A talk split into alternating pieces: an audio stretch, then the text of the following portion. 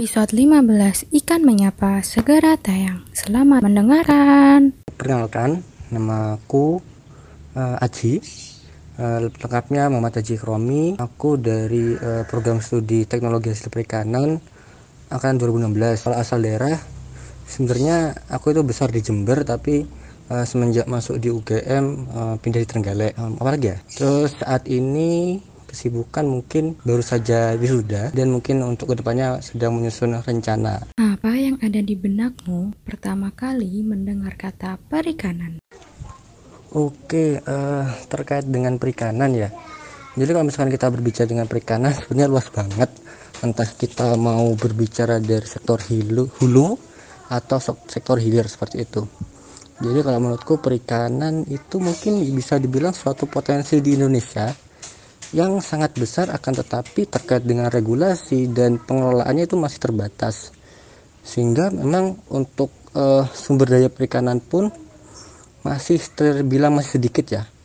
Karena uh, melihat banyak sekali teman-teman kita ketika mereka lulus pun masih banyak yang belum uh, tergerak hatinya untuk uh, membangun sektor perikanan atau mencari pekerjaan di sektor jurusannya kayak gitu. Jadi memang perikanan sendiri masih memerlukan SDM SDM untuk dapat mengembangkan sehingga Indonesia ini dapat mengoptimalkan sumber daya uh, perikanannya seperti itu. Karena memang sangat uh, eman. Jadi kayak semacam kita memiliki potensi tapi belum banyak yang mau terjun langsung ke bidang ini. Kayak gitu.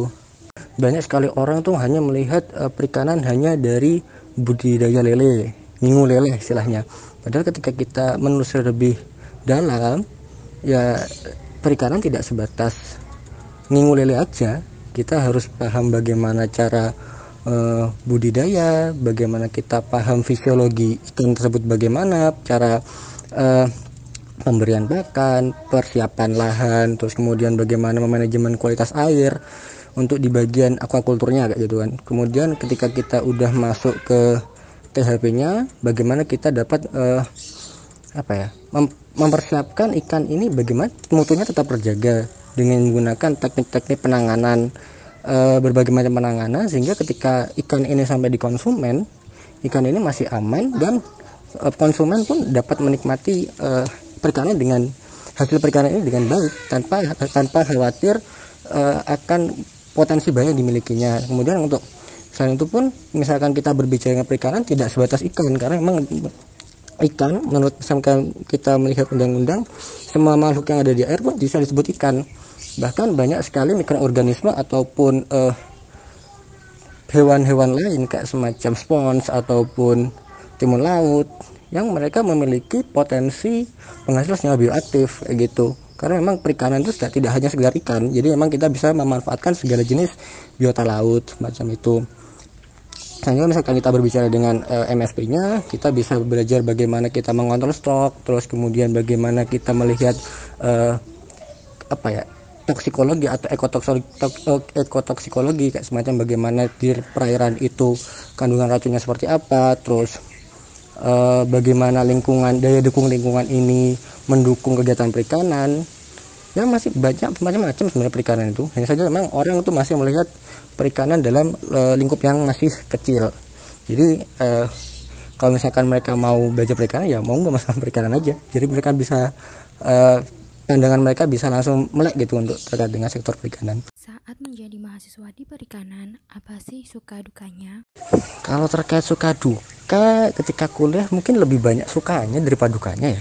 Karena memang saya kayak semacam sebenarnya dulu ketika mau kuliah saya sebenarnya tidak pernah terpikir mau masuk perikanan UGM ya karena memang ketika di SMA itu lebih tertarik dengan teknik gitu. Tapi ketika udah e, menyelami cukup apa ya bungkusnya perikanan semakin diselami pun kok menarik gitu semacam. Apalagi e, selama di kuliah di perikanan saya lebih cenderung tertarik di bidang e, mutu dan keamanan kayak gitu ya semacam bioteknologi dan yang berkaitan sama bakterinya kayak gitu. Terus kayak semacam uh, apa lagi suka dukanya ya? Kalau suka sih banyak pengalaman saya dapat saya dari perikanan ini. Mulai dari uh, banyak teman-teman yang sekiranya bisa dijajak diskusi kemudian dosen dosen-dosen dari perikanan pun uh, terbuka untuk kita diskusi apa pun mulai dari pengalaman beliau terus penelitian beasiswa dan berbagai uh, pengalaman hidup lainnya. Kemudian uh, ketika di kuliah pun uh, juga banyak ikut organisasi kayak gitu ya juga dari fakultas pun menawarkan berbagai macam organisasi agar uh, mahasiswa itu berkembang. Selain itu ketika misalkan kalian yang uh, minat di bidang uh, pengajaran atau suka ngajarin orang, kalian bisa daftar asisten kayak gitu. Jadi ketika kalian daftar asisten pun kalian uh, dapat pengalaman banyak. Yang pertama adalah ketika kalian dapat pengalaman bagaimana public speaking, bagaimana kalian mengajar orang, kemudian bagaimana kalian lebih cenderung dekat ke dosen. Karena ketika kita berbicara terkait dengan praktikum, itu pasti hubungannya langsung ke dosen jadi kalian langsung bisa berbagi berbagi ilmu atau mm, apa ya sharing ilmu atau sharing bertukar ilmu dengan dosen bagaimana kita dengan kondisi lapangan adik-adik seperti apa kemudian kita memiliki meminta saran dari dosen bagaimana itu akan juga melatih bagaimana kita uh, apa ya kayak misalkan teman-teman yang mau dosen itu cukup apa ya cukup menjanjikan lah misalkan kalian mencari pengalaman di sana. Selain itu uh, di perikanan UGM pun banyak sekali event-event. Misalkan di perikanan UGM uh, semnaskan kayak gitu kan. Ada semnaskan seminar uh, nasional penelitian perikanan kemudian ada ISMPR nah, itu juga kalian bagaimana kalian ikut uh, membantu atau turut serta meramaikan lah istilahnya meramaikan agenda keilmiahan, keilmiahan yang ada di perikanan UGM kayak gitu. Kemudian ya ya sukanya banyak kalau dukanya mungkin ah mungkin ya sepele sih kayak semacam praktikum. Tapi praktikum enak juga sih nggak ada nih. Kalau duka mungkin ya ada sih kalau menurutku. Bahkan untuk e, mau lulus pun saya sedikit berat hati karena memang e, selama lima tahun di kuliah di UGM atau terutama di perikanan saya mendapatkan banyak sekali ilmu kayak itu bahkan ketika mau lulus pun agak sedikit berat kan untuk meninggalkan pengalaman-pengalaman sudah cukup e, memberikan banyak hal kepada e, ku kayak gitu kan kayak gitu sih dukanya nggak ada dari semua sukanya kuliah di perikanan dari mulai praktikum, asisten praktikum, organisasi. Apa sih hal yang paling kamu ingat atau hal yang kamu paling sukai gitu dari semua itu? Kalau kamu disuruh menyebutkan salah satunya. Uh, kalau misalkan kita berbicara hal yang paling cukup menyenangkan ya, yang paling ya, saya mungkin aku bakal milih jadi asisten. Jadi kayak semacam ketika aku jadi asisten, itu banyak sekali pengalaman atau bertemu berbagai macam orang ya karena memang dulu mungkin teman-teman yang eh, orang-orang yang melihatku sekarang mungkin nggak percaya jadi dulu ketika aku SMP SD lah SD SMP SMA itu untuk bertemu orang pun aku nggak berani kayak gitu kan. Jadi memang aku takut dulu. Sangat itu sebenarnya pemalu pemalu banget. Mau ketemu guru juga malu mau teman pun cuma dikit gitu. Dan memang ketika masuk kuliah itu aku udah udah bertekad.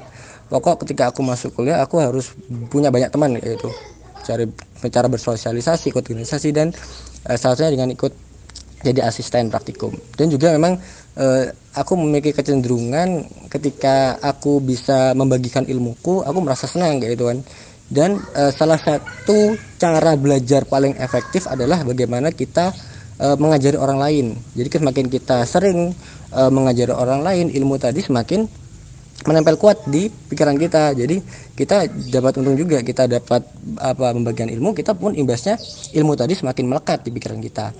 Terus juga sama jadi asisten, mungkin saya sudah bisa dibilang teman-teman adik-adik itu sudah bosan lah sama saya kayak gitu kan. Jadi dari angkatan 2017 asistennya saya 2018 2019 terus kemudian waktu online pun kemarin juga masih sempat jadi asisten.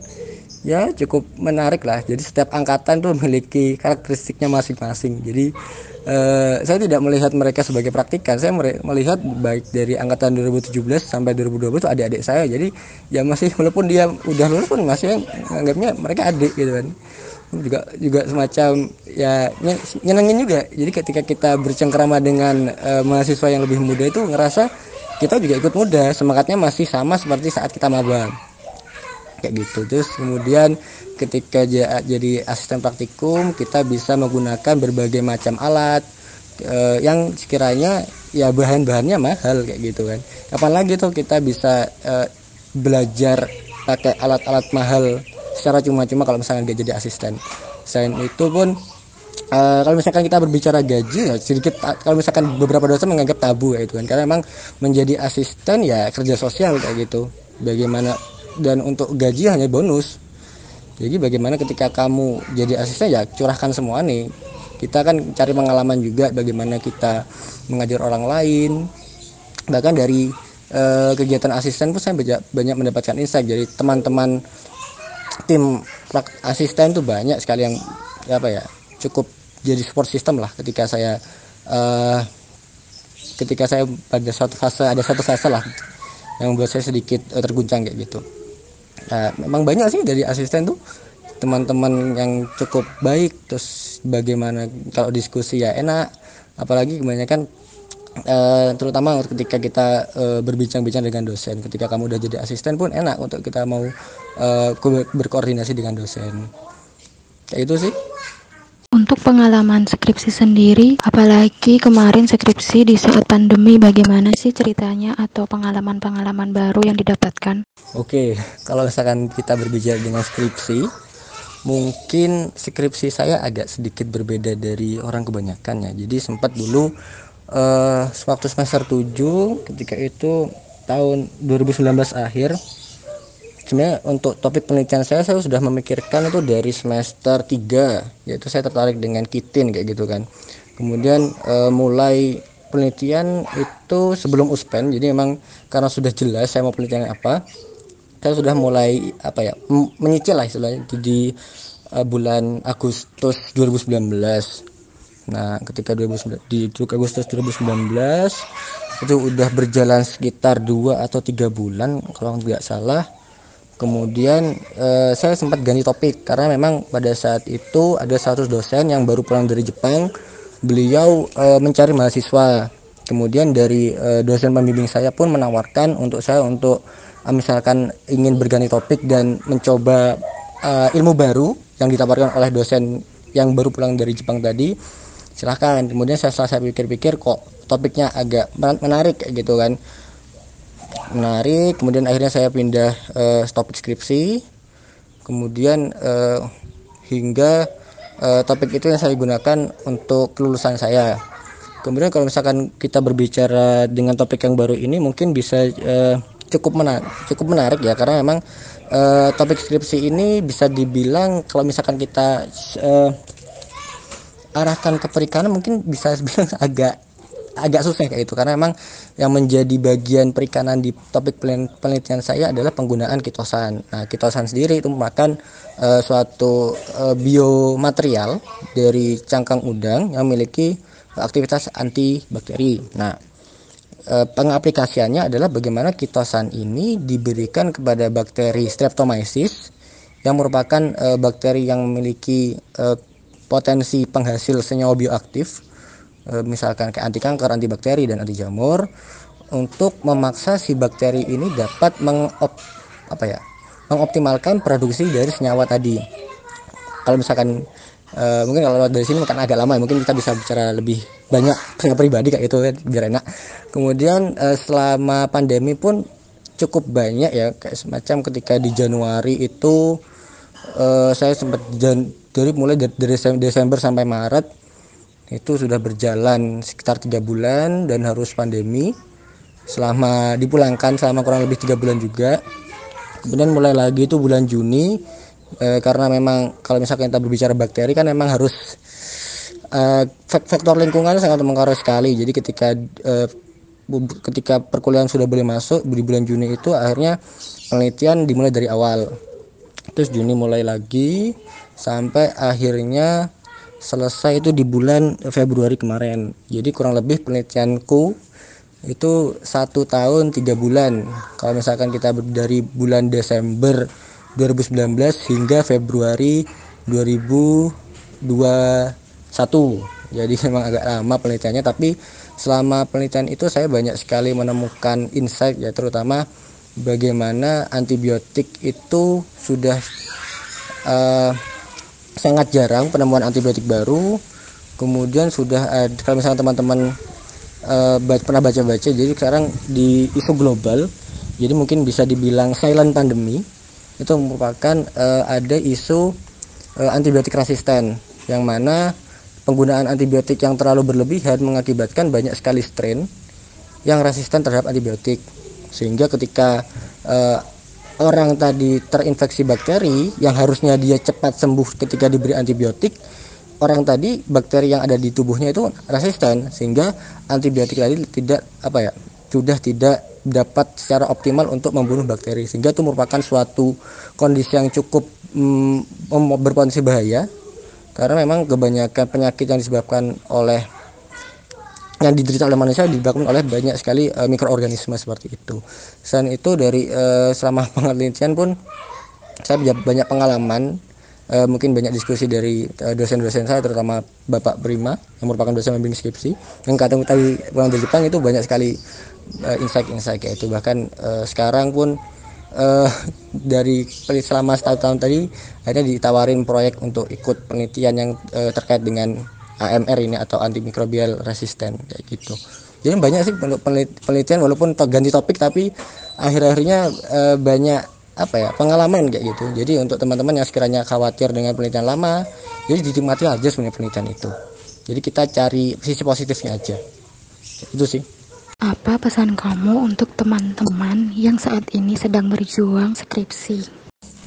Uh, mungkin untuk pesan untuk teman-teman yang masih berjuang untuk lulus tetap semangat. Tetap semangat. Tetap semangat. Karena memang uh, ingat ini tahap ini udah tahap akhir. Jadi uh, eman-eman ketika kalian itu uh, udah sampai di fase ini kalian tiba-tiba hilang. Jadi ya mungkin ya gak usah mikir-mikir yang aneh-aneh gue usah mikir-mikir aneh-aneh gue usah takut ketemu dosen gue usah takut disuruh ngulang. Karena uh, aku yakin dosen pun paham. Dengan kondisi ini mahasiswa pun ingin lulus. Yang penting uh, komunikasi dengan dosen tetap berjalan. Ketika disuruh revisi ya segera direvisi.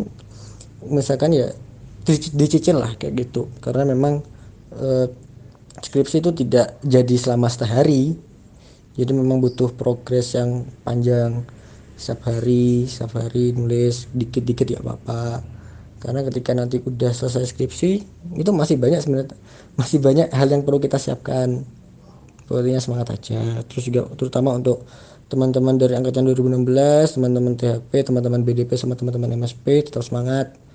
Masa kita uh, kita masuk bareng kok lulusnya gak bareng ataupun masih uh, gitu. Jadi ya kita semangat kayak gitu. Ingat orang tua di rumah.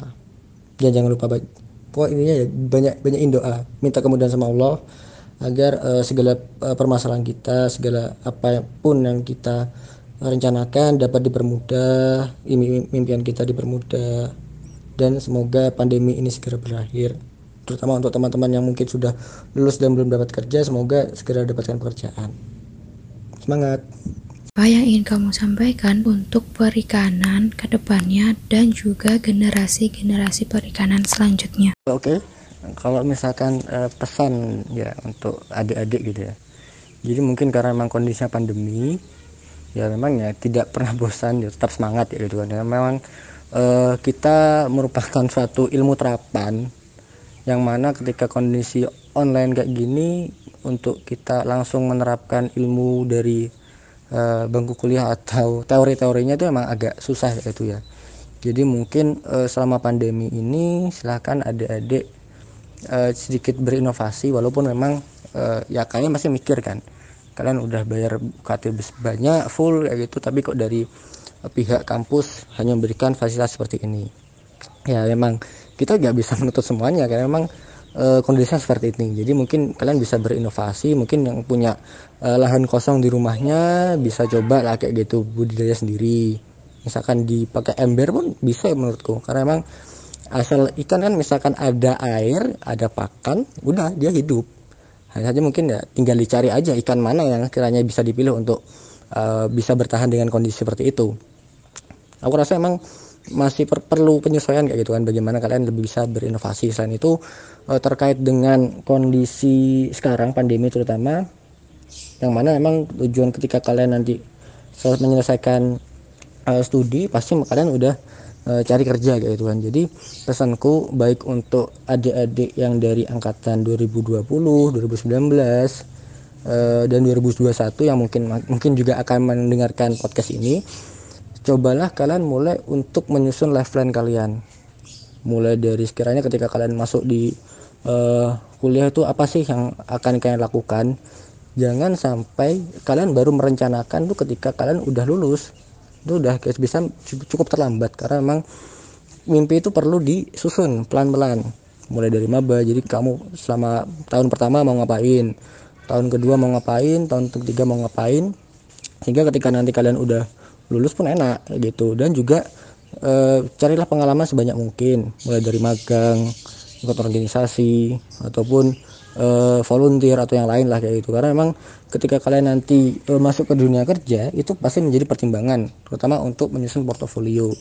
Jadi emang apalagi kita kuliah di UGM akan sangat uh, rugi ketika kalian berkuliah di UGM yang merupakan salah satu kampus terbaik di Indonesia kalian hanya menghabiskan waktu hanya untuk uh, kuliah tanpa uh, tanpa adanya mencari pengalaman kayak gitu. Karena uh, UGM itu terlalu apa ya eman banget pokoknya ini ketika kalian hanya menghabiskan waktu di UGM itu hanya untuk hal-hal remeh-temeh itu carilah banyak teman carilah relasi diskusi dari berbagai macam golongan atau yang lain. Yang penting asal kalian bisa memilih mana sih e, hal yang baik mana sih hal yang buruk. Karena memang aku yakin ketika kalian udah dewasa kalian sudah bisa memilih mana yang baik mana yang buruk untuk diri kalian sendiri. Kemudian terkait dengan impian atau rencana hidup eh, pesanku adalah yang pertama adalah kenali dirimu sendiri. Karena ketika kamu udah memahami dirimu sendiri ketika kamu tahu e, dirimu sendiri seperti apa kalian pasti paham. Apa yang kamu mau pasti udah bisa kelihatan dan juga ketika kamu udah masuk ke fase quarter life crisis kayak gitu ya e, pastikan kamu tidak perlu membandingkan dirimu dengan orang lain. Karena memang setiap individu itu unik. Jadi setiap individu, individu unik baik dari DNA DNA-nya pun kalian beda-beda antara DNA kalian sama orang tua kalian pun beda. Jadi mengapa harus menganggap kita itu sama? Jadi misalkan kalian ubah cari pengalaman cari banyak ngobrol sama orang itu pasti akan mengubah cara berpikir kalian dan juga memang eh, untuk tantangan ya kalian kayak sekarang tinggal tinggal generasi S udah waktunya generasi kalian untuk dapat menurunkan ilmu-ilmu atau hal-hal baik untuk adik-adik di bawah kalian. Karena memang e, kami sebagai generasi yang tua pun udah nggak bisa fokus untuk e, mengurus kalian lagi itu kan. Jadi bagaimana kalian udah bisa mencari pengalaman sehingga nanti ketika kalian udah punya banyak ilmu kalian bisa menurunkan ke adik-adik berikutnya karena kayak gitu. Dan juga emang ada sih dengan kondisi online tetap semangat. Apalagi sekarang di sini uas kan. Sini uas yang penting udah mulai bikin live plan yang sekiranya uh, cukup realistis atau ya masih mungkin bisa idealis itu kan ya. Jadi ketika kita kita boleh idealis tapi juga kita harus bisa realistis. Nah itu bisa kita bisa bisa lebih optimis. Kita harus optimis untuk mengutamakan mimpi, mimpi kita. Dan jangan lupa uh, ingat orang tua. Karena memang tujuan kita sekolah pun uh, adalah untuk membagian orang tua. Kan tidak ada orang tua yang mau anaknya ketika dia udah lulus susah cari kerja gitu. Jadi silahkan untuk mempersiapkan masa depan tetap semangat dan jangan lupa bahagia. Uh, oh ya mungkin sedikit tambahan terlepas dengan uh, podcast ini. Mungkin kalau misalkan teman-teman mau diskusi atau mau ngobrol-ngobrol langsung Insya Allah um, untuk beberapa waktu ke depan aku masih di Jogja jadi mungkin bisa uh, chat lah kayak gitu. Atau lewat DM Instagram bisa. Mas mau ketemuan atau ngobrol-ngobrol. Nanti misalkan aku misalkan sekiranya luang bolehlah kita ngobrol-ngobrol. Kalau misalkan kayak lewat chat aja kayak gitu. Karena emang eh, kayak seperti kata aku tadi ketika mau lulus pun ya masih berat ya gitu kan. Karena masih banyak banyak pengalaman terus banyak ketemu sama adik-adik itu ya menyenangkan sekali kayak gitu. Oke dan kalau misalnya mau ngobrol-ngobrol silahkan sangat terbuka untuk diajak diskusi apa pun. Terima kasih. Semoga bermanfaat. See you.